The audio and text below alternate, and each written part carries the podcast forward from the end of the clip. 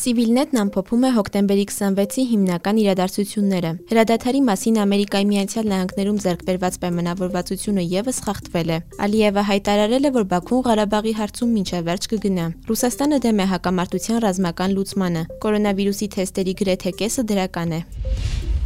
Ամերիկայի Միացյալ Նահանգներում հումանիտար հրադադարի մասին պայմանավորվածության ձեռքբերումից հետո այսօր ժամը 08:45-ի սահմաններում ադրբեջանական կողմը խախտել է հրադադարի ռեժիմը, հրետանային կրակ վարելով Արցախի հյուսիսարևելյան մարտական դիրքերի ուղությամբ։ Ավելի ուշ պաշտպանության բանակը հայտնել է, որ ադրբեջանական ուժերը գրոհ են ձեռնարկել հարավարևելյան հատվածում տեղակայված զորամասերից մեկի առաջնագծի ուղությամբ, շարունակելով հրետակոծել նաև խաղաղ բնակավայրերը։ Ժամը 13:50-ի սահմաններում հակառակորդը Սմերջ տիպի համազարգային կրակի ռեակտիվ համակարգից մեկ հրթիռ է արձակել Մարտունու շրջանի Զարդարաշեն գյուղի ուղությամբ։ Մարտունի քաղաքի վրա հակառակորդը կիրառել է ռազմական ավիացիա։ Օրվա ընթացքում հրթիռակոծության է ենթարկվել նաև Ասկերանի շրջանի Ավետարանոց գյուղը, որտեղ Սմերջ համազարգային կրակի ռեակտիվ համակարգի հարվածների հետևանքով զոհվել է քաղաքացիական 1 անձ, վիրավորվել են քաղաքացիական 2 անձինք։ Այս մասին տեղեկացրել է առողջապահության նախարարության խոսնակ Ալինա Նիկողոսյանը։ Երեք Ամերիկայի Միացյալ Նահանգներում հրադադարի պայմանավորվածություն էր ձեռք բերվել, որը ուժի մեջ պիտի մտներ հոկտեմբերի 26-ին ժամը 08:00-ին։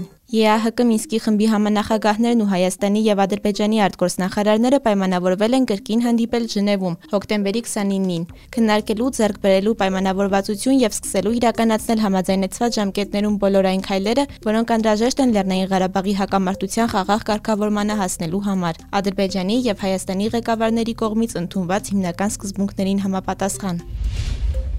Ադրբեջանի նախագահ Իլհամ Ալիևը հայտարարել է, որ Ղարաբաղյան հակամարտությունը սառեցված վիճակում ձեռնտու էր բոլորին, բացի Բաքվից։ Նրա խոսքով Արցախում ստեղծվել է նոր իրականություն, որի հետ պետք է հաշվի նստի պաշտոնական Երևանը։ Ալիևը հայտարարել է, որ Բաքուն Ղարաբաղի հարցում մինչև վերջ կգնա, իսկ Հայաստանը ըստ նրա պետք է դուրս բերի զորքերը Արցախից, սակայն դրան միտված որևէ ժամանակացույց չի ներկայացնում։ Ալիևը նշել է նաև, որ թուրքական F-16 կործանիչները Ադրբեջանում են մնացել Թուրքիայի հետ զորավարժություններից հետո եւ երկինք չեն բարձրացել։ Ըստ Ալիևի Բաքուն կօգտագործի դրանք Ադրբեջանի դեմ արտաքին ագրեսիայի դեպքում։ Հայկական կողմը հակառակն էր պնդում, որ դրանք մասնակցել են Արցախում պատերազմին, ավելին սեպտեմբերի 29-ին հաղորդվեց, որ Թուրքիայի ռազմաօթային ուժերի F-16 կործանիչը Հայաստանի օթային տարածքում խոցել է Հայաստանի Հանրապետության ռազմաօթային ուժերի Սու-25 գրոհիչը։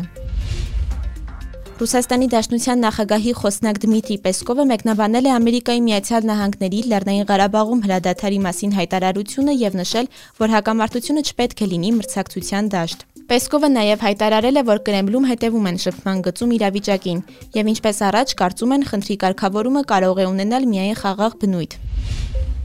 Ռազմական սցենարներից ձեռնպահ մնալու կոչ է արել նաև Ռուսաստանի արտգործնախարար Սերգեյ Լավրովը։ Նա հիշեցրել է, որ բացառապես քաղաքական կարգավորման օգտին հստակ արտահայտվել են Ռուսաստանի, Ամերիկայի Միացյալ Նահանգների եւ Ֆրանսիայի նախագահները, որպես ԵԱՀԿ Մինսկի խմբի համանախագահ ղեկավարներ։ Կոչ են կանում բոլոր արտաքին խաղացողներին անել ամեն ինչ թույլ չտալու ռազմական սցենարի հետագա տարածումը, սառեցնելու կողմերի հույզերը ակտիվացնելու խաղաղ գործընթացի վերագործարկման համար պայմանների ստեղծման աշխատանքը, ասել է Սերգեյ Լավրովը։